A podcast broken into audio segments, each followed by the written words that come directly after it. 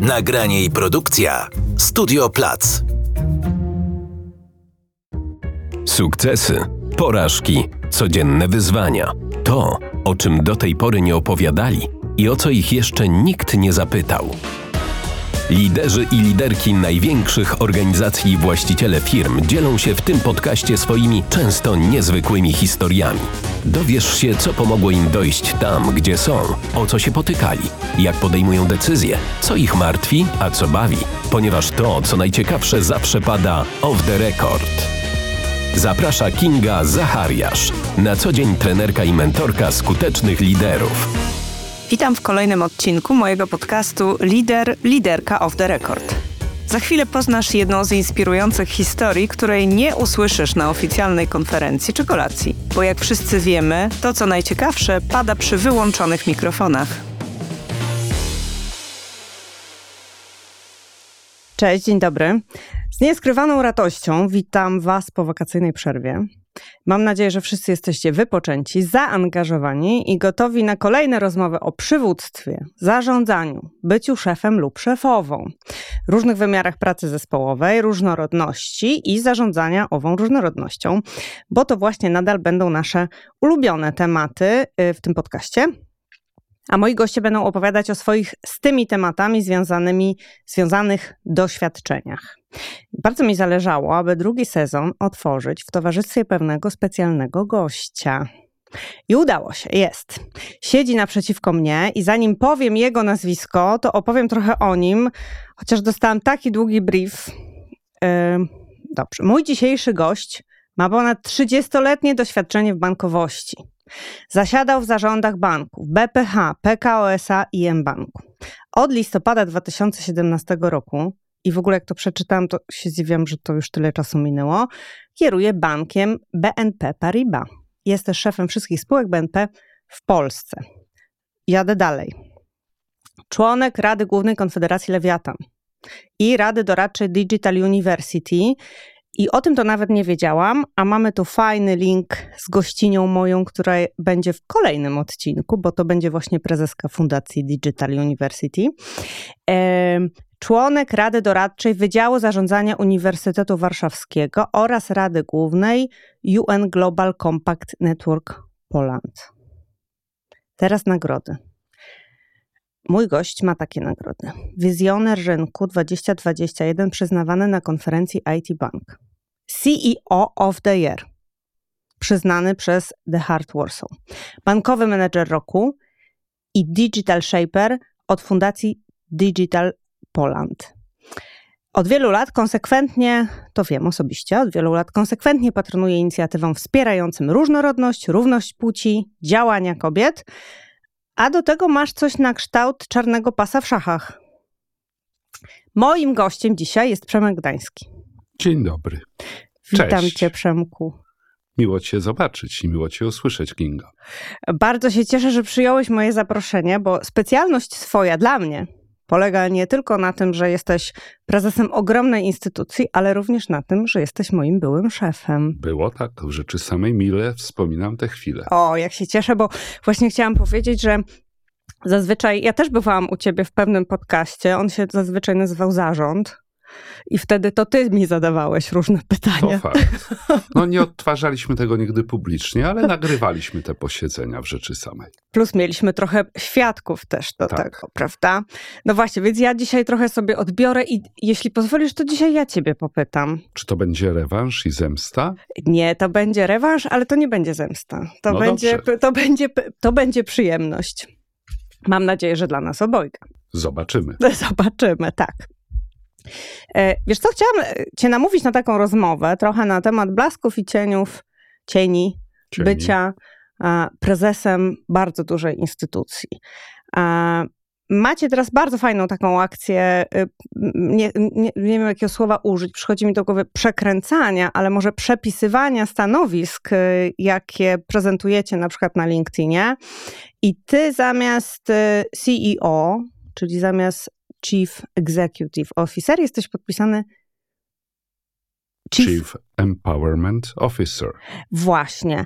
Chciałam się ciebie zapytać, co to znaczy dla ciebie, że dlaczego właśnie tak i czy to w ogóle jeszcze mogło być jakieś inne E, na przykład Chief Empathy Officer Też albo rozważałem Chief Energy opcję. Officer. I również bardzo fajny pomysł. Wiesz, no to jest taka akcja ogólnogrupowa, nazywam Mhm. ją Unexpected Jobs. Bardzo fajnie rozpropagowana na, w mediach społecznościowych i bardzo ochoczo do niej przystąpiłem. Miałem zawahanie, co powinno być pośrodku pomiędzy C i O.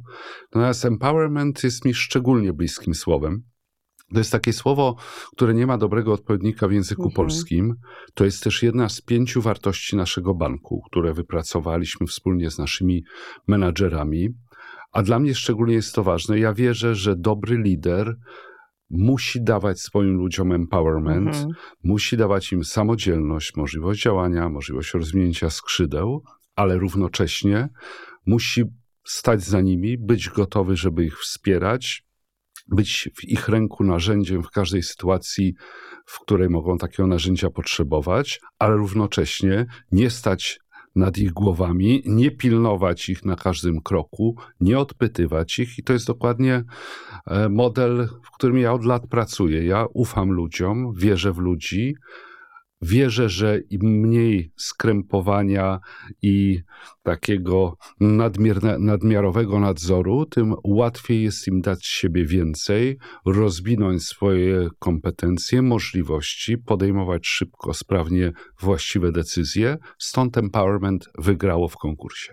Ale Moim empatii, wewnętrznym. ale mówi, że empatii też mogło, też było w grze. tak. I to jest bardzo ważna czy cecha, czy wartość. I wydaje mi się, że trudno wyobrazić sobie lidera, który by nie był empatyczny, który nie ma tej umiejętności postawienia się w sytuacji drugiej osoby czy innych osób i przeżywania tego, co one mogą przeżywać w efekcie działań Mhm. tegoż lidera. Mhm. E, Przy czym, ja powiem tak, wierzę, że empowerment można wdrażać na każdym szczeblu organizacji. Wierzę, że empatię trzeba zawsze w sobie mieć, natomiast zdarza się tak, że podejmowane decyzje idą w sprzeczności z emocjami wywołanymi przez empatię. Czasami liderzy podejmują trudne decyzje Mhm. decyzję o rozstaniu się z kimś, gdzie wiadomo, że jest to trudne dla obu stron, ale dużo trudniejsze dla osoby, którą chcemy pożegnać. Mhm. Mimo współczucia, mimo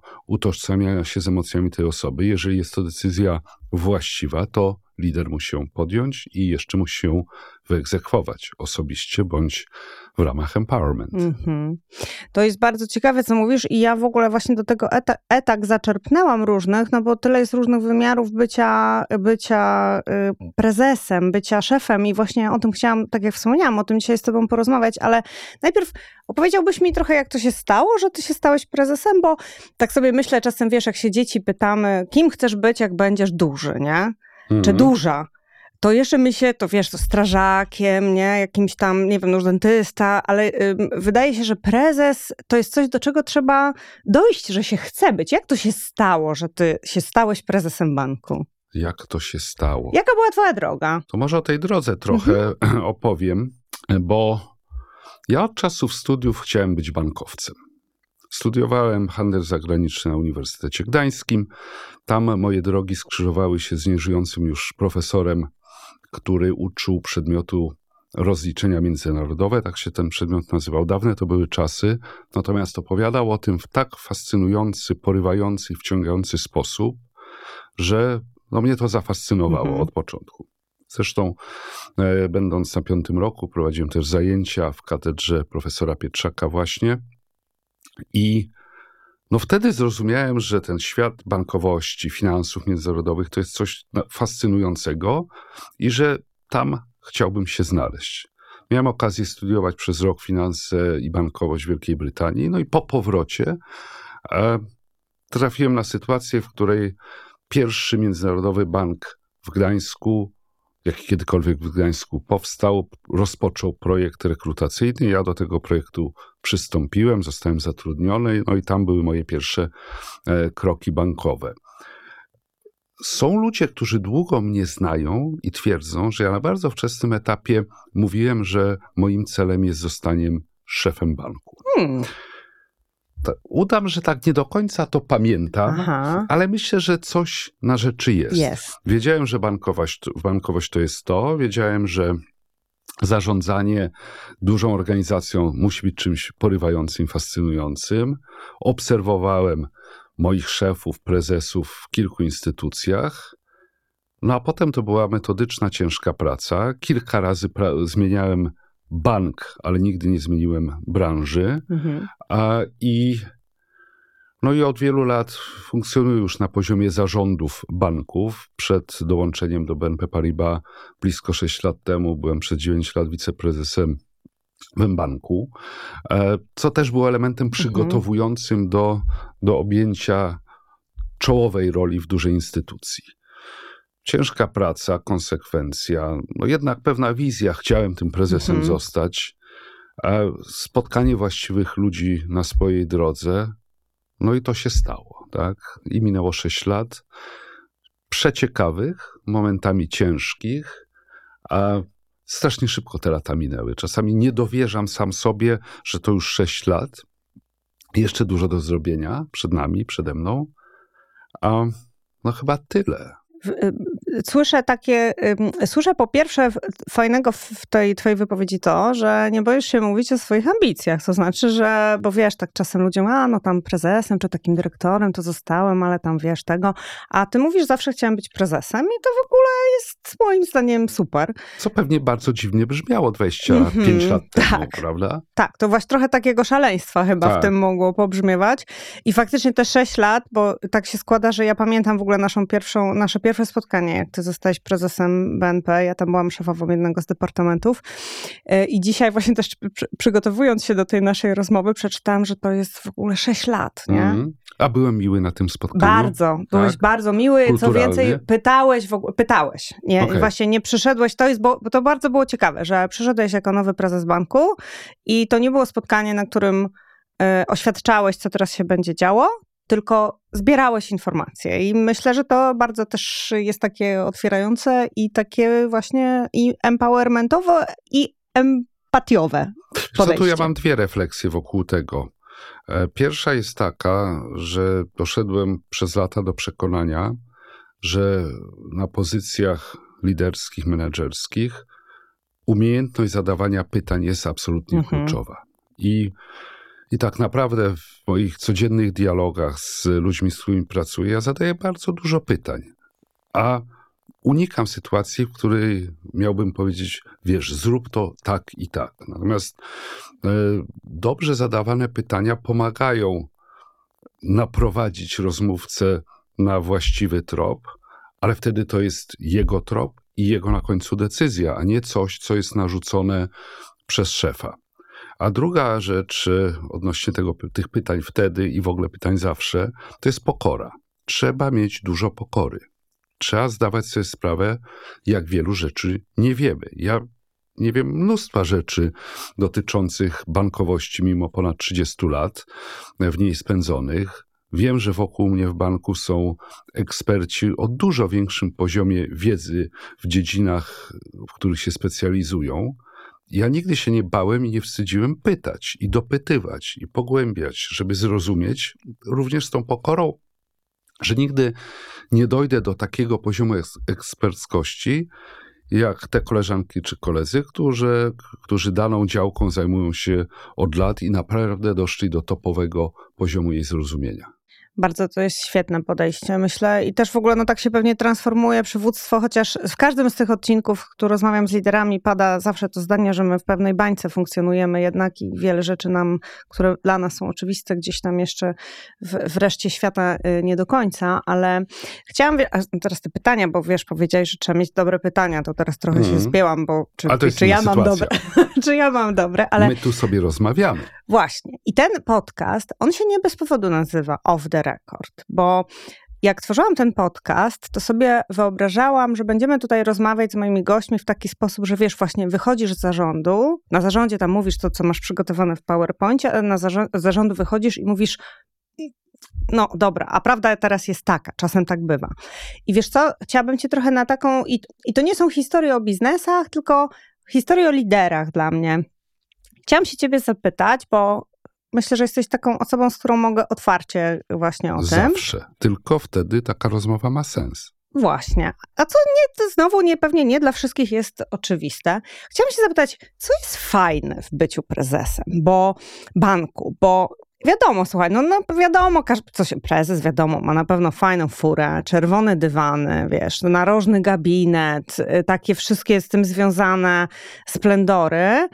Ale chciałam się ciebie zapytać, co dla ciebie jako dla człowieka, czy, czy ty lubisz być, bo domyślam się, że lubisz, i dlaczego? Ja tylko wrócę tutaj do tych szczegółów czy atrybutów bycia prezesem. Ja nie mam żadnego czerwonego dywanu, bo bo nie chciałem. E, mam narożny gabinet, ale relatywnie mały i mam go na środkowym piętrze w budynku, co mhm. było moją decyzją. Powolałem, żeby na najwyższych piętrach z najlepszym widokiem siedzieli ludzie, których praca jest szczególnie trudna, złożona, mhm. czasami frustrująca. Taki mały, taki mały gest y, pod ich adresem i nie jeżdżę w żadnym razie jakąś furą, którą, za którą by się ktokolwiek na ulicy odwrócił. Chyba, Przyznaję, że... że zdziwiłam się, czym podjechałeś y, teraz y, tutaj pod studio. Wiesz, ja na co dzień jeżdżę Teslą trójką, to co jest mniej fajne, to tablice rejestracyjne Go Green. Mm-hmm. No dobra, ale co tak. ja lubię byciu prezesem, albo co jest w tym najważniejsze? Powiem ci tak. Chyba najważniejsze jest to, że będąc szefem dużej organizacji, czy banku, czy innej firmy, można mieć rzeczywisty wpływ, mm-hmm. ten dobry, pozytywny wpływ, zarówno na ludzi, z którymi pracuję, jak i na klientów, jak i na otoczenie, w którym działamy. E, taka rola pozwala na budowanie organizacji opartej o wartości. To dla mnie to jest bardzo ważne i dla banku to jest bardzo ważne. To pozwala na wprowadzanie e, właściwych zasad wzajemnego traktowania, wzajemnej komunikacji. E, to pozwala na istotne promowanie zrównoważonego rozwoju. I ja widzę dużą różnicę pomiędzy byciem wiceprezesem zarządu, mhm. a prezesem. O, to ciekawe. Ten wpływ numeru jeden jest dużo bardziej wyrazisty i może być dużo bardziej skuteczny. Przez lata, kiedy e, byłem szefem dużych linii biznesowych w kilku bankach, to jednak koncentracja na biznesie była dużo większa niż na kreowaniu -hmm. właściwej kultury. Ja robiłem co mogłem w ramach swojego obszaru, za który odpowiadałem, natomiast nie odpowiadałem za cały bank. I nie zawsze było tak, że z koleżankami czy z kolegami zarządu mieliśmy spójną wizję odnośnie tego, na jakich wartościach chcielibyśmy naszą organizację posadowić, jakimi zasadami e, posługiwać się we wzajemnej współpracy, jak podchodzić do ludzi. Tu no mam ten przywilej, że jeżeli poniżej widzę niespójność, no to jednak stanowczo proszę, żebyśmy się uspójnili wokół tych wartości, tych zasad, które dla mnie są ważne i które myślę, że cały zespół już w tej chwili absolutnie podziela. Więc krótka odpowiedź, możliwość wywierania dobrego wpływu na rzeczywistość. A trzymasz się trochę, bo ty lubisz biznes, nie? Bo to się Bardzo. właśnie z bankowości korporacyjnej, tam jest dużo fajnego biznesu, y, takiej adrenaliny z tym tak. związanej. Tak. Zanurzasz się w tym, czasem, y, czasem bywasz na tak. komitetach kredytowych. Na komitetach nie bywam. Mhm. E, czasami uczestniczę w decyzjach tych szczególnie złożonych kredytowych, e, ale spotykam się z klientami, to relatywnie często. I to są dla mnie takie chwile bardzo ożywcze. Mhm. Zwłaszcza jeżeli jest to spotkanie z klientem u klienta, zwłaszcza jeżeli przy okazji dyskusji można zobaczyć ten biznes, można go poczuć. To jest dużo fajniejsze niż oglądanie sprawozdań finansowych. E, I, I to się dzieje, oczywiście nieporównywalnie rzadziej niż w sytuacji, kiedy odpowiadałem za bankowość korporacyjną, inwestycyjną w poprzednim życiu ale taki los. Mam teraz inne zadania, inne wyzwania, natomiast traktuję spotkania z klientem jako taki, no takiego coś ekstra, na co czekam i z czym się bardzo cieszę. To ja się z Tobą podzielę swoją refleksją, jakby w mojej nowej roli jako trenerki przywództwa zespołów, że, bo ja też zawsze lubiłam jeździć do klientów, patrzeć jak Mm. w ogóle, jak to ludzi, jak ludzie zarabiają pieniądze, jak, jak, jak można zbudować różne rzeczy i że w ogóle świat nie kończy się na bankowości. A teraz widzę też biznes klientów od wewnątrz. To jeszcze jest inaczej. Okej. Perspektywa z banku, patrzysz, y, oglądasz, a teraz ten klient wpuszcza cię do samego środka, wpuszcza cię do HR-u, opowiada ci o swoich wyzwaniach e, takich związanych właśnie z wewnętrznymi jakimiś takimi zmaganiami people managementowymi, mówiąc po polsku. E, I to jest też kolejna bardzo ciekawa perspektywa, której będąc jakby w banku, nawet teraz chyba to, to mi przyszło do głowy, jak mówisz, że jednak widzimy, z banku widzimy tego klienta na zewnątrz, całościowo biznes, a tu tak zaglądamy mu w ogóle, wiesz, do, do, do kuchni. Tak, nie? to ja myślę, że to jest najgłębszy poziom zrozumienia klienta, no ale zwłaszcza od tej strony ludzkiej, kulturowej, zarządczej. Trochę innym jest poziom, kiedy jako bank odwiedzamy klienta, pozwalamy mu się oprowadzić po fabryce, wytłumaczyć kluczowe procesy technologiczne. A chyba najbardziej powierzchownym jest taki, w którym tylko rozmawiamy w gabinecie i analizujemy dane finansowe. Ja Mhm. wierzę, że trzeba poczuć biznes, trzeba go zrozumieć, żeby na tej bazie podjąć właściwe decyzje, w szczególności decyzje kredytowe, czyli obarczone ryzykiem z natury swojej. A powiedz Przemku, a co, jest, a co jest trudne dla ciebie? To znaczy chciałam cię, ciebie zapytać o takie koszty bycia na takim, na takim wysokim stanowisku. Czy ta ekspozycja taka wpływa na to, jak ty żyjesz? Bo w, w sensie takim, że im jesteś wyżej, tym mniej ci wolno. Trochę tak, niektórzy tak, takie tu słowa, któryś z moich gości powiedział, że liderowi to tak mniej wolno.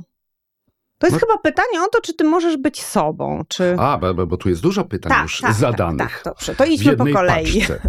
E, To może od początku. E, Spytałeś trochę o koszty.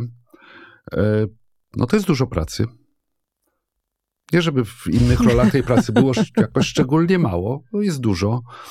I zarówno w wymiarze godzinowym, jak i w kwestii kompleksowym pór, takim. w których ta mhm. praca jest wykonywana. E, To jest jednak spora dawka stresu Mhm. bo rola lidera wiąże się z odpowiedzialnością za ludzi, którzy z nim pracują, ale również za wyniki. Jesteśmy przedsiębiorstwem komercyjnym. Ta odpowiedzialność e, no, dotyczy wszystkich akcjonariuszy, a za klientów. I żyjemy w bardzo złożonym świecie, który jest istotnie zmienny. W związku z tym źródeł stresu jest sporo, a te ostatnie lata przyniosły nam e, czarne łabędzie, które ten stres jeszcze spotęgowały.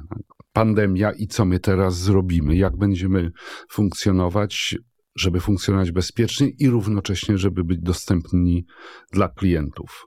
Wojna, co się wydarzy, Mhm. jak to wpłynie na naszą możliwość funkcjonowania i jak sobie poradzą nasi klienci, którym w jednym dniu odcięte zostały dwa istotne rynki zbytu i różne tego typu sytuacje. Więc ten stres jest e, i nie jest prawdą, że można być sobie liderem bez stresu. On Mhm. zawsze będzie, natomiast umiejętne zarządzanie stresem, zarządzanie sobą jest uważam bardzo ważne. I to przyszło trochę z wiekiem i z doświadczeniem. Ja przed laty potrafiłem bardzo przeżywać transakcje, które chciałem zrobić, a które wyrwała nam Mhm. konkurencja i trudno było mi dojść do siebie. Z czasem zrozumiałem, że to jest po prostu marnotrawstwo własnej energii. Mhm. Powinienem ten stres zminimalizować i spojrzeć od razu w przyszłość. Nie zrobiliśmy tego deala, ale zrobimy następny. Tak? I wszystkie ręce na pokład już, e, jeśli chodzi o tą nową transakcję, a ze starej nauczmy się czegoś, dlaczego to nie poszło. Więc ja myślę, że nieźle sobie z tym stresem daje radę. On jest i będzie, ale na pewno po stronie kosztowej można go Mhm. zapisać. E, Często padają pytania o work-life balance. Też nie ma co się czarować. Nie ma, Nie ma takiego czegoś takiego. tak? Mhm. To bardziej chodzi o to, żeby ten czas poza pracą wykorzystywać jak najbardziej wartościowo w kontekście rodziny, w kontekście zadbania o siebie, w kontekście realizowania własnych pozazawodowych e, pasji czy zainteresowań. Chyba tyle o tych kosztach bym powiedział, E, ale musisz mi przypomnieć pozostałe elementy tego rozbudowanego pytania. E, to może faktycznie potraktujmy to jako kolejne pytanie, bo może ja do niego jeszcze, ja, może ja jeszcze je zwoduję, bo Dobra. chciałabym cię zapytać o to, czy będąc prezesem banku można być sobą, A, ale tak. powiem dlaczego można. akurat ciebie pytam, bo wydaje mi się, że ty jesteś taką postacią w ogóle na rynku bankowym, dość kolorową i taką, nawet nie wiem, czy takie słowo czasem ekscentryczną. Nie wiem, czy to słowo ci Brzmi e, bardzo ładnie, Bardzo, tak. bardzo ładnie, prawda? Z obca i wyrafinowanie. I, Podoba tak, mi się. I trudno je wymówić, więc t- mnie to akurat, ja uważam, że to akurat, ja, bo ja lubię też tak, wiesz, lubię trochę takiej, no takiego trochę wyjścia poza schemat Mhm. i myślę, że jesteś dobrą, bo jeszcze dodam, że ja cię chyba, tak próbowałam sobie przypomnieć, czy ja cię kiedykolwiek widziałam w krawacie. Mogłaś mnie nie widzieć w krawacie. I chyba, widziałam cię kiedyś raz w garniturze, w białej koszuli, jakiś musiała to być duży event w To banku. się od czasu do czasu zdarza. I no właśnie, bo nie ukrywam, wiesz, że czasem tam gdzieś słyszę, znaczy tak, ja myślę, że tobie ta taka kolorowość w długim terminie bardzo popłaca, bo jesteś wyraźny i tak widać cię i, i też taki bardziej do ludzi. Ale no właśnie, o tym chciałam tobą pogadać, o tym byciu sobą, jak to prze, jak, jak to, czy, Czy ja uważam, że bycie sobą i bycie autentycznym to jest kluczowa sprawa. Moglibyśmy się zacząć zastanawiać, co to znaczy być sobą, tak? i co to znaczy Ale- być autentycznym. I co to znaczy być autentycznym? To może tak zapytam, czy gdybym nie był prezesem, robiłbym inne rzeczy, będąc w pracy, niż Mhm. robię teraz z perspektywy zachowania, relacji z innymi? Myślę, że absolutnie nie. Mhm.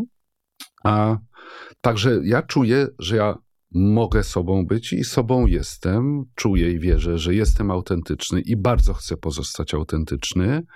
I wierzę wreszcie, że, a, że ja się nie zmieniłem jako człowiek, zostawszy prezesem, że czynnik wody sodowej nie zaistniał. Zresztą są tacy, którzy mnie pilnują i mają mi dać kuksańca, gdyby takie objawy zaobserwowali.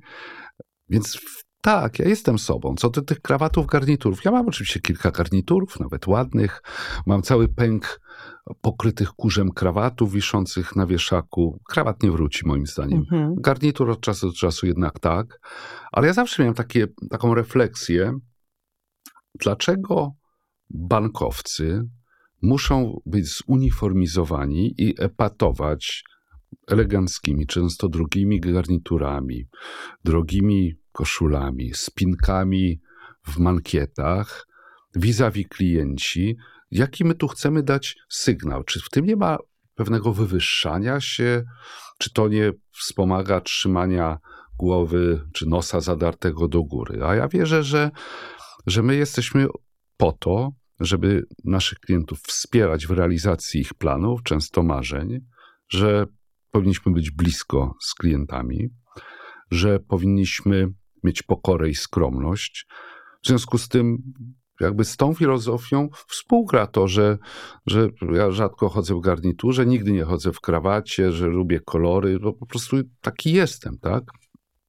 I mam wrażenie, że świat też trochę Mhm. podąża e, w tę stronę. Nawet widzę to jeżdżąc do Paryża, do centrali BNP Paribas SA, że tam ten taki dress down Mhm. trend zaczął się kształtować i ma charakter, myślę, że już trwały. No, plus pandemia, tak? Czasy, kiedy e, zdominowała nas praca zdalna, nie wymagały, żeby ktoś wstawał rano i ubierał się w garnitur z krawatem, żeby usiąść przed e, komputerem. E, no więc chyba tak tyle bym ci powiedział. Tak, można być sobą, warto być sobą. Bycie nie sobą, moim zdaniem, wywołałoby wewnętrzny konflikt. To wywarłoby wrażenie nieautentyczności. Ludzie nie lubią nieautentyczności. Gdybym ja udawał, że jestem kimś, kim nie jestem, natychmiast ludzie, z którymi pracuję na co dzień, wyczuliby to i straciliby do mnie zaufanie. Uznaliby mnie pewnie za kogoś, kto, komu nie można zaufać. Więc Trzeba być autentycznym. No dobra, ale jak się spojrzy na innych, w ogóle wiesz, bankowiec, to mi się, ludzie sobie też nie zdają sprawy, że w banku to pracują też normalni ludzie, bo jednak wszystkim się wydaje, Bardzo normalnie. wielu osobom się wydaje, że to jest strasznie nudne, w banku to w ogóle strasznie nudne jest, ale cały czas będę jednak ciągnąć tą, ten element tej twojej takiej yy, kolorowości, bo jak, jak staniesz na, nie wiem, forum ekonomicznym, czy gdzieś tam na tle prezesów, czy zarządów innych banków, to zawsze ciebie będzie widać, bo oni wszyscy są, bo jednak w tych garniturach stoją. Bo może lubią garnitury Mhm. bardziej od niegarniturów. Ja nie mam absolutnie mandatu, ani nie czuję się upoważniony, żeby komentować poziom autentyczności moich koleżanek czy kolegów z branży. Fakt pozostaje faktem, że przez stulecia pewnie w bankowości ukształtował się Tak. pewien wizerunek bankowca. I raczej z tym wizerunkiem kojarzymy garnitury, koszule i krawaty, niż bardziej luźne marynarki i kolorowe szaliki. Ale cóż z tego? No właśnie, bo to nas prowadzi do takiego pytania, czy lider musi być śmiertelnie poważny? Chciałam Ależ w życiu lider po pierwsze powinien być autentyczny, to już żeśmy sobie Mhm. powiedzieli. Po drugie, no, elementem mojej filozofii jest takie stwierdzenie. Spędzamy w pracy większą część swojego życia. Jeżeli ten czas, mimo że to jest praca, a praca jest o pracowaniu, ale jeżeli ten Ale czas... też o miał- relacjach przecież, tak. prawda? Ale zadbajmy o to, żeby ten czas miał w sobie elementy przyjemne, żeby miał w sobie elementy fanu, żeby miał elementy uśmiechu, żeby móc pójść do pracy na tych 10 godzin z przekonaniem, że tam będzie po prostu fajnie. W związku z tym nie współgra mi z tym wyobrażenie śmiertelnej powagi, bo wtedy jest ponuro, jest smutno, a powinno być z uśmiechem, niezależnie od tego, jakie wyzwania mamy przed sobą, czym musimy się zająć. Niech to będzie dobry czas. Pytam, wiesz co, dlatego też, bo y, myślę, że w BNP jednak, y, znaczy ja w ogóle uważam, że BNP to jest super miejsce do pracy. Dziękuję. Jestem absolutnie ambasadorką i w ogóle zresztą znamy się i te relacje szczególnie z banku y, z wieloma osobami bliskie utrzymujemy, pracujemy zresztą razem, ale właśnie wracając do tego, że wchodzę do różnych firm, to tam to wcale nie jest oczywiste na przykład, że ludzie są ze sobą na ty. Ja już się Mhm. tak przyzwyczaiłam, że czasem y, jak ktoś, wiesz, jest jakaś grupa, jakiś zespół i ja mówię, no to przejdźmy wszyscy na ty i w ogóle wszyscy po sobie tak patrzą, i bo czy szef, co, wiesz, szef. I ja już się nauczyłam teraz pytać szefa najpierw na początku, czy to jest dla ciebie okej, że my przejdziemy na ty, na czas, na warsztat. I czasami oni się mnie pytają, ale czy tylko na warsztat? Mm. czy już to na zawsze zostaje, nie? Więc to wcale nie jest takie oczywiste. My jesteśmy trochę przyzwyczajeni, taki dobry, wiesz, na wyso- z wysokiego poziomu ja też y, startowałam oglądając tych innych klientów. U wielu tak jest, ale u cze- często tak nie jest wcale. Wiesz co? No, po pierwsze, w naszym banku bycie na ty było przede mną. Ja Mhm. u wielkiej radości zauważyłem, że tak tam właśnie jest. Że kasjerka do prezesa Tak, mówi i nie ma tak. tej w ogóle, tak. Ja, taka dygresja mała, mała będzie, ja przez y, kilka miesięcy tylko zarządzałem jako szef y, niedużym bankiem należącym do bardzo dużej międzynarodowej grupy kapitałowej. I wszedłem do tego banku i na pierwszym spotkaniu powiedziałem, wszyscy będziemy ze sobą na ty. I rzeczywiście po chwili wszyscy mówili do mnie na ty, a ja do Mhm. nich na ty. No i pamiętam, że było spotkanie e, wewnętrzne, wszyscy do mnie na ty, obok pani dyrektor i jej podwładny. No i nagle słyszę, jak tenże podwładny mówi do swojej szefowej, pani dyrektor. A przed chwilą mówił do mnie Mhm. na ty, a ja byłem jej szefem. No Więc, właśnie. To nie przyjmowało się aż tak prosto i oczywiście. Ja uważam, że taka forma na ty, ona jest lepsza, fajniejsza. Ona ułatwia komunikację, ona zbliża ludzi, ale też nie powinniśmy tego demonizować. Mhm. Tak? No, dalej funkcjonujemy w pewnym układzie organizacyjnym, w pewnej hierarchii i w żadnym razie nie czuję, żebym tracił autorytet, jak y, kierowca pani w kasie, czy ktokolwiek inny z naszej drużyny mówi do mnie na ty. To tak jest fajniej, tak jest normalnie, tak jest bardziej po ludzku. Y, My pracujemy bardzo dużo po angielsku. W angielskim Tak. mówi się na ty po Mhm. prostu, tak? Tam trudno skonstruować formę dużo bardziej grzecznościową. Po francusku jest inaczej, po niemiecku jest inaczej. No, ja w ogóle myślę sobie, że, że, że, że nawet na poziomie takim symbolicznym, to, że ludzie przechodzą ze sobą na ty, a wychowaliśmy się jednak w kraju o pewnej No właśnie, historii, właśnie. sformalizowania, schierarchizowania, jest dobrym kulturowo trendem. Ja się z tobą zgadzam. To jak powiedziałeś, dress down, bo to dress down jest taki symboliczny, nie tylko w ciuchach, ale w ogóle też w takich, y, w takich relacjach myślę, że to jest bardzo dobry, e, dobry kierunek. E, I wiesz co? A teraz bym... ym, Jest taka w ogóle, tak, rozmawialiśmy sobie o różnych sukcesach, także bank, że dobrze się pracuje i w ogóle, ale yy, i nie chcę pytać o bank, tylko ciebie osobiście chciałam spytać, no bo żyjemy też w takim świecie, że jest taka pornografia sukcesu. Wszyscy opowiadają na LinkedInie, jakie mają, no co jest No, naturalne, no bo tak. sama, to, sama to robię, bo myślę, że to jest fajne, żeby też posłuchać, że prezes banku może miał w życiu jakieś niepowodzenia w Ale, pracy. ależ oczywiście każdy ma, każdy popełnia błędy. Tu może taka refleksja kulturowa. Ja dużo w banku mówię o tym, że chciałbym, żebyśmy mieli taką kulturę i środowisko, w którym popełnianie błędów jest ok. Oczywiście nie błędów wynikających z lenistwa czy zaniechania, Tylko zeksperymentowanie. Dokładnie. I po takim błędzie absolutnie nie ma przestrzeni, żeby kogoś karać albo upokorzyć. Wręcz przeciwnie. Może trochę za daleko w moim przekonaniu idzie koncepcja celebrowania porażek, Mhm. ale powiedzenie sobie, jest okej, nic się nie stało, zobaczmy dlaczego tak się stało, jak się stało, na pewno się czegoś nauczymy na przyszłość i jedziemy dalej. A więc y, porażka może być źródłem kolejnych sukcesów. E, w- Próbując odpowiedzieć na pytanie, no bo tak, nie o wszystkich porażkach czy błędach mogę opowiadać Oczywiście. publicznie, zwłaszcza, że bankowość jest e, no, obudowana tajemnicą bankową i, i tu muszę być uważny. E, Taką mogę opowiedzieć historię w pewnym banku, w którym pracowałem. W pewnym momencie pozyskałem do pracy cały zespół wysokiej klasy specjalistów z innego konkurującego Mhm. banku. Zespół, który pracował w tamtym banku ze sobą przez lata, był bardzo zgrany i bardzo chciał przejść jako całość. Mhm. No, wyglądało na to, że to będzie wielki sukces i ten konkretny biznes, którym ów zespół się Kupujesz zajmował. umeblowany dom. Tak jest, pójdzie to mocno do przodu. Ale ja zapomniałem albo zlekceważyłem kwestie kulturowe. Mhm. Bo po pierwsze, kultura banku, z którego zespół przyszedł, była zupełnie inna. Ja tych nowych koleżanek i kolegów w ogóle nie przygotowałem do tego, że tu jest inaczej, Aha. ani reszty organizacji nie przygotowałem na przyjście ludzi z innego kręgu kulturowego.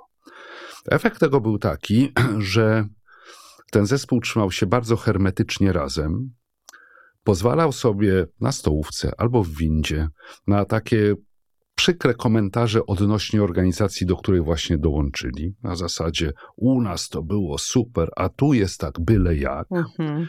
Ludzie oczywiście to słyszeli. To się zaczęło roznosić po banku. Zaczęło być mocno frustrujące, więc tym bardziej ten zespół miał problemy, żeby się zasymilować. Ja nie, nie zareagowałem na to wystarczająco szybko i wystarczająco właściwie. No, efekt tego był taki, że wartość dodana tego teamu okazała się marginalna, a wszyscy jego członkowie prędzej czy później, raczej prędzej odeszli do innych banków. Mhm. W związku z tym, no to absolutnie to była porażka. Lekcja. Bardzo trzeba uważać na kwestie różnic kulturowych organizacji, z, której, z których przychodzą do nas ludzie versus nasza. Trzeba być bardzo, bardzo szczerym, rekrutując, e, opisując własną firmę. I tu właśnie, ja nie znałem tego zwrotu, pornografia sukcesu, tak to Tak, nazywałaś? tak, tak. Tu na to nie ma przestrzeni. Trzeba o miejscu pracy, do którego chcemy kogoś pozyskać, opowiadać bardzo szczerze. Są plusy i minusy, bo wszystko w życiu ma plusy i minusy.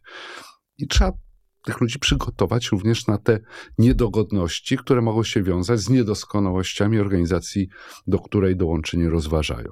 No i tyle. To bardzo jest fajna historia. Nie wiem, czy to jest dobrze, jak ja powiem, ale skojarzyło mi się z takim, e, z transplantologią, że przeszczep się nie przyjął i to ani przeszczepiane serce Mm. nie pasowało, ani też organizm, do którego było przeszczepiane, nie zostało farmakologicznie czy też Wiesz zarządczo przygotowane. Co, to nie jest zła analogia, tylko tu, tu jeszcze bym podkreślił to, że przeszedł cały zespół, tak? Trzymający się razem, Mhm. znający się o silnej wewnętrznej kulturze. A, czyli nie jeden organ, tylko jakby szereg tych organów został przeniesionych e, na nowy grunt i to się nie przyjęło. Przemek, a co cię, bo jak rozmawiamy w ogóle o przywództwie, to jest też taki temat, który może wywoływać w ogóle eksplozję banałów i też y, w tą pornografię sukcesu to się też wpisuje to, o co bym teraz chciała cię spytać. Co ciebie irytuje w takim, w takim, w, w tym, jak się dzisiaj mówi o przywództwie?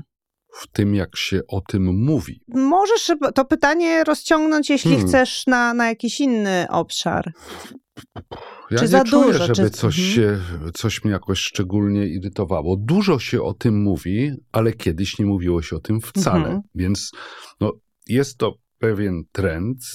Myślę, że to dobrze, że e, polscy menadżerowie zaczynają sobie zdawać sprawę, jaka jest różnica między menadżerem a liderem, że przywództwo jest ważne, że no, podążamy trendami światowymi, więc wprost mówiąc, to nic irytującego mi nie przychodzi do głowy. Myślałem, że spytasz, co może mnie irytować w byciu przywódcą, O, to, czyli to pociągnij, liderem pociągnij ten temat. A tam jest już sporo rzeczy.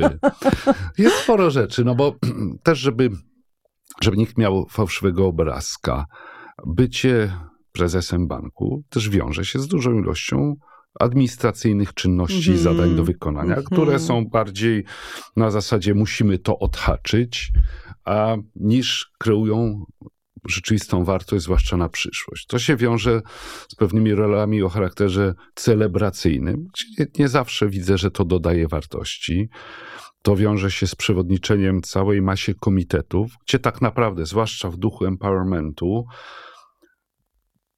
to nie ja jestem najmądrzejszy w kwestii danego zagadnienia czy zjawiska. Są dużo lepsi ode mnie eksperci. Tym niemniej to ja z racji funkcji, czy wręcz regulacji muszę takiemu ciału przewodniczyć.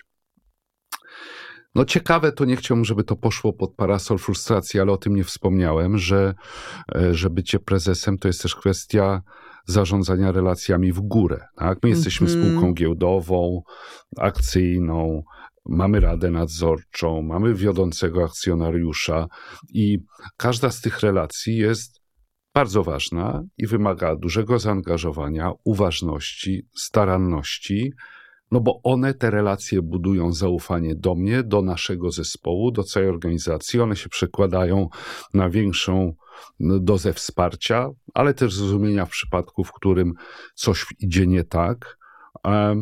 W ogóle zarządzanie relacjami w tego typu roli jest kluczowe i one są strasznie wielopoziomowe i wielowątkowe, te relacje. Musiałbym dodać regulatora, który e, w tak e, silnie regulowanej branży jak bankowość jest absolutnie krytyczny. Mhm. Regulatorów jest kilku, bo to nie jest tylko e, Komisja Nadzoru Finansowego, ale to jest również na przykład UOKiK, czy Główny Inspektor Informacji Finansowej. I jakby na każdym z tych pól, no to jednak ten numer jeden powinien być zaangażowany. Do mnie kierowane Mhm. są przeróżne oficjalne pisma e, w różnych spotkaniach e, z regulatorami. Jest oczekiwane, że będę uczestniczył. To samo oczywiście dotyczy e, czy Rady Nadzorczej, czy wiodącego akcjonariusza. Więc taka może dorzutka nie na temat Aha. frustracji, ale na temat tego, jak ta robota cieni, wygląda. cieni. Przy cieni. No to jest wyzwanie. To jest, Mhm. Ja myślę, że trudno być liderem nie lubiąc ludzi, nie lubiąc interakcji, nie lubiąc komunikacji. E, To się chyba by nie udało. Aczkolwiek są ludzie bardziej introwertyczni, bardziej ekstrawertyczni i to chyba nie wpływa wprost na poziom ich sukcesu. Y, Mówisz, że dobrze się tak mówi, bo ja już może też jestem w swojej bańce, bo ja dużo czytam, dużo słucham, mówię właściwie teraz głównie na ten temat. Yy, dlatego cię pytałam, czy coś cię irytuje, ale to dobrze, że nie, bo może to tak jest, że faktycznie kiedyś nie mówiło się wcale, teraz mówi się bardzo dużo i nawet jak coś usłyszymy 10 razy, to może w końcu gdzieś tam siądzie. No to nie mogę cię nie zapytać, Przemek, jakie byś dał, nie wiem, trzy, ile tam masz, czy pięć, czy dwie, czy, czy dziewięć rady dzisiaj dla lidera? Takiego, wiesz, takiego dużego lidera z dużym zespołem, współpracującego z innymi liderami. Y, co, co, co jest dla ciebie, co uważasz, że jest ważne? Ja nigdy sobie takich rad nie usystematyzowałem, mhm. więc nie wiem ile ich będzie i kolejność będzie absolutnie przypadkowa. Zacznę od tego, czym już było, bądź autentyczny, bądź sobą. Mhm. Bądź blisko ludzi, bądź dla nich dostępny w każdej sytuacji bądź empatyczny. Staraj się zrozumieć ich punkt widzenia i ich sytuację przed podjęciem decyzji. Bądź blisko z klientami i dostępny mm -hmm. dla nich. Czerp z mądrości zespołu. Nie wiesz wszystkiego, ale twój zespół będzie wiedział dużo więcej. E, bądź wspierającym dla wszelkich form różnorodności w firmie. I to jest mega ważne. Ja się tym tu zatrzymam, bo dla mnie to jest ważne i z perspektywy wartości, które wyznaję, ale również z perspektywy czysto pragmatycznej. Ja uważam, że zespół, który jest bardziej zdywersyfikowany, zróżnicowany, będzie bardziej kreatywny i bardziej skuteczny niż zespół złożony z klonów samego prezesa. Absolutnie. O tej różnorodności to ja też myślę wielowymiarowo, wielopoziomowo, bo to jest kwestia gender, to jest kwestia wieku, to jest kwestia narodowości czy kraju pochodzenia, poglądów politycznych, przekonań religijnych, kwestii seksualnych, preferencji, wszystkiego, tak? Każdy ma jakiś inny bagaż wiedzy i doświadczeń, i różnice w tych bagażach powodują, że mamy dużo szersze spektrum spojrzenia na daną sytuację w efekcie dużo większe szanse, że wspólnie wytworzymy większą wartość, znajdziemy nieoczywiste rozwiązanie, które prezesowi i jego klonom mogło po prostu umknąć od razu. Czyli byliśmy przy radach i byliśmy przy różnorodności. Ona jest super ważna z praktycznych również względów, tak. nie tylko z powodu, z powodu wartości. Bądź cierpliwy. O. To jest dla mnie trudne super. Mhm. Jestem niecierpliwy. Ale czasami trzeba sobie powiedzieć, to się nie zdarzy jutro. Na to trzeba poczekać. I warto czasami czekać, bo efekt może być dużo lepszy niż gdyby wymuszać szybsze rozwiązanie sprawy. Co byśmy tu sobie jeszcze powiedzieli? Było o bliskości z ludźmi, o dostępności, o empowermencie mówiliśmy wcześniej. Dawaj, ta cierpliwość mi fajnie, ludziom... fajnie mi za, za, tak siadła mi ta cierpliwość no też okay. fajnie. Mhm. O empowermencie nie będę się specjalnie rozwodził, ale dawanie ludziom przestrzeni do działania z równoczesnym wsparciem krytycznie istotne. E, coś jeszcze miałem, co chciałem powiedzieć, ale mi teraz wyleciało. Może wrócimy do tego. Może wrócimy i ja, y, zanim Przemku cię wypuszczę z tego studia, to muszę ci zadać takie pytanie, które wszyscy moi goście dostają. Okay. Więc ono jest A ono takim... się podoba, czy nie podoba raczej? Ono się raczej podoba, bo ono, mo możesz sięgnąć w tym pytaniu w miejsca, które tylko zechcesz, bo najróżniejsze tutaj padały odpowiedzi. Ale to jest dla mnie takie pytanie, na które najbardziej to bym się bała, jakby mi ktoś odpowiedział, że nie zastanawia się nad takimi rzeczami albo że na żaden temat, bo to pytanie brzmi brzmi, na jaki temat ostatnio zmieniłeś zdanie? A to ja często zmieniam zdanie. Y, to jest w ogóle taka umiejętność, czy taka cecha, którą jeszcze wyniosłem z domu. E, I to mój tata powtarzał, miał na to e, takie fajne powiedzenie, które mi teraz wyleciało z głowy, ale z grubsza chodziło o to, że tylko koń, który ma klapki na oczach, nie zmienia mhm. kierunku, w którym zmierza. Tak. E, no taki bardzo ostatni temat, to będzie techniczne i bankowe. E, to kwestie franków i ugód. Ja mhm. nawet o tym mówiłem w niedawnym wywiadzie dla Forbesa, że ja przez bardzo długi czas stałem na takim pryncypialnym stanowisku. Jeżeli umówiliśmy się na coś, to tę umowę powinniśmy zrealizować do końca. I dotyczyło to również umów frankowych. A, a teraz, trochę w efekcie tego, jak sytuacja się rozwinęła, uważam, że zawieranie ugód co nie oznacza przecież realizacji pierwotnej umowy, jest najlepszym rozwiązaniem, stanowczo lepszym niż e, przekonywanie klientów, że trzeba tę umowę zrealizować w pierwotnym kształcie do końca, bądź przegrywanie kolejnych procesów mhm, sądowych, tak. które frankowicze wytaczają przeciwko bankom. I, i pewnie to powiązałbym te, ten wątek nie frankowy, ale zmiany zdania z tymi radami, bo słuchanie jest jeszcze taką cechą, którą warto mieć rozwiniętą. Bo słuchając, można usłyszeć rzeczy, które przecież nie przyszły mi wcześniej do głowy i przetworzywszy je, zmienić zapatrywania, spojrzenie czy wcześniejszą decyzję. Ja w ogóle uważam, że, że to jest super, jeżeli lider pod wpływem ludzi, z którymi pracuje i otwartej z nimi rozmowy mówi: OK, zmieniamy tą decyzję, mm -hmm. idziemy w prawo, mimo że szliśmy w lewo. Znowu mądrość zbiorowa versus indywidualne przekonanie o nieomylności. A słuchanie to jest w ogóle bardzo ważne. Ja to mogę tak anegdotycznie ci powiedzieć, że ja to zrozumiałem pewnie z jakieś 15-17 lat temu, jak ważne jest słuchanie. Bo miałem podwładnego dyrektora, który co jakiś czas się umawiał do mnie i mi opowiadał różne rzeczy zawodowe. Element cierpliwości tutaj, rozumiem, Ta, też był to, trenowany. To był element tak. cierpliwości. Tak. Ja tak na początku to czułem się w takim obowiązku reagować na to, co on Aha. mi mówił, dawać rady, mhm. zadać pytania, ale on w ogóle na to nie zwracał uwagi. On opowiadał. No i po jednym czy drugim takim spotkaniu ja zrozumiałem, że to o coś zupełnie innego chodzi. On nie przychodzi po moją radę czy opinię. On przychodzi, żeby się wygadać, a ode mnie oczekuje w cudzysłowie usługi słuchania. Ja tą usługę słuchania zacząłem mu w sposób precyzyjny dostarczać. I on stał się jeszcze bardziej zadowolony i bardziej skuteczny. Świetny facet, zresztą mój przyjaciel. Dlatego nie powiem kto. Więc to słuchanie jest ważne zarówno, żeby zaabsorbować coś nowego dla siebie, ale też, żeby dać przestrzeń do wygadania się ludzi, ludziom, dla których to jest ważne. No, przy czym to też powinno być słuchanie z uważnością i koncentracją. To też taka umiejętność, której się, która dla mnie nie była oczywista przy no, pewnej cierpliwości, ale to jest bardzo ważne, żeby rozmawiać na poważny temat e, z kimś, z kim pracujemy, okazać mu pełną uwagę. Nie bawimy się telefonami. Nie czytamy niczego, co przypadkiem leży na stoliku. Staramy się utrzymywać kontakt wzrokowy, bo to też tego ludzie oczekują, że ty dla nich, jako ten lider, jesteś i tylko dla nich. To jest ten czas, kiedy jesteś tylko dla tego, kto do ciebie ze sprawą, albo żeby po prostu pobyć przyszedł. Tyle.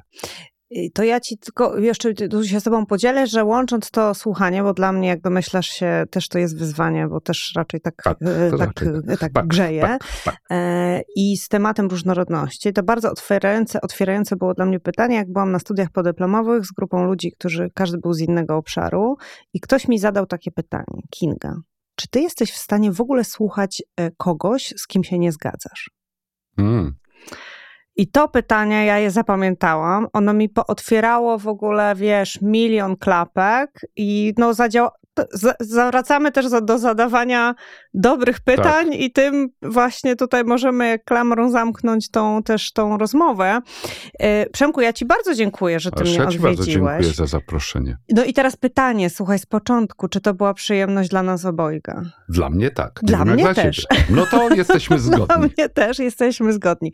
Bardzo ci dziękuję. Bardzo dziękuję za rozmowę. Kończymy pierwszy odcinek drugiego sezonu. E, liderka of the record, także stay tuned. Do widzenia, do, do widzenia, dzięki. Dziękujemy za wysłuchanie kolejnego odcinka podcastu Kingi Zachariasz. Jeśli podobają Ci się tak podane treści, zaobserwuj podcast na Spotify, aby nie przegapić kolejnych odcinków i zostaw swoją opinię na Apple Podcasts. Wszystkie odcinki dostępne w głównych platformach streamingowych: Spotify, Apple Podcast, Google Podcast. Nagranie i produkcja Studio Plac.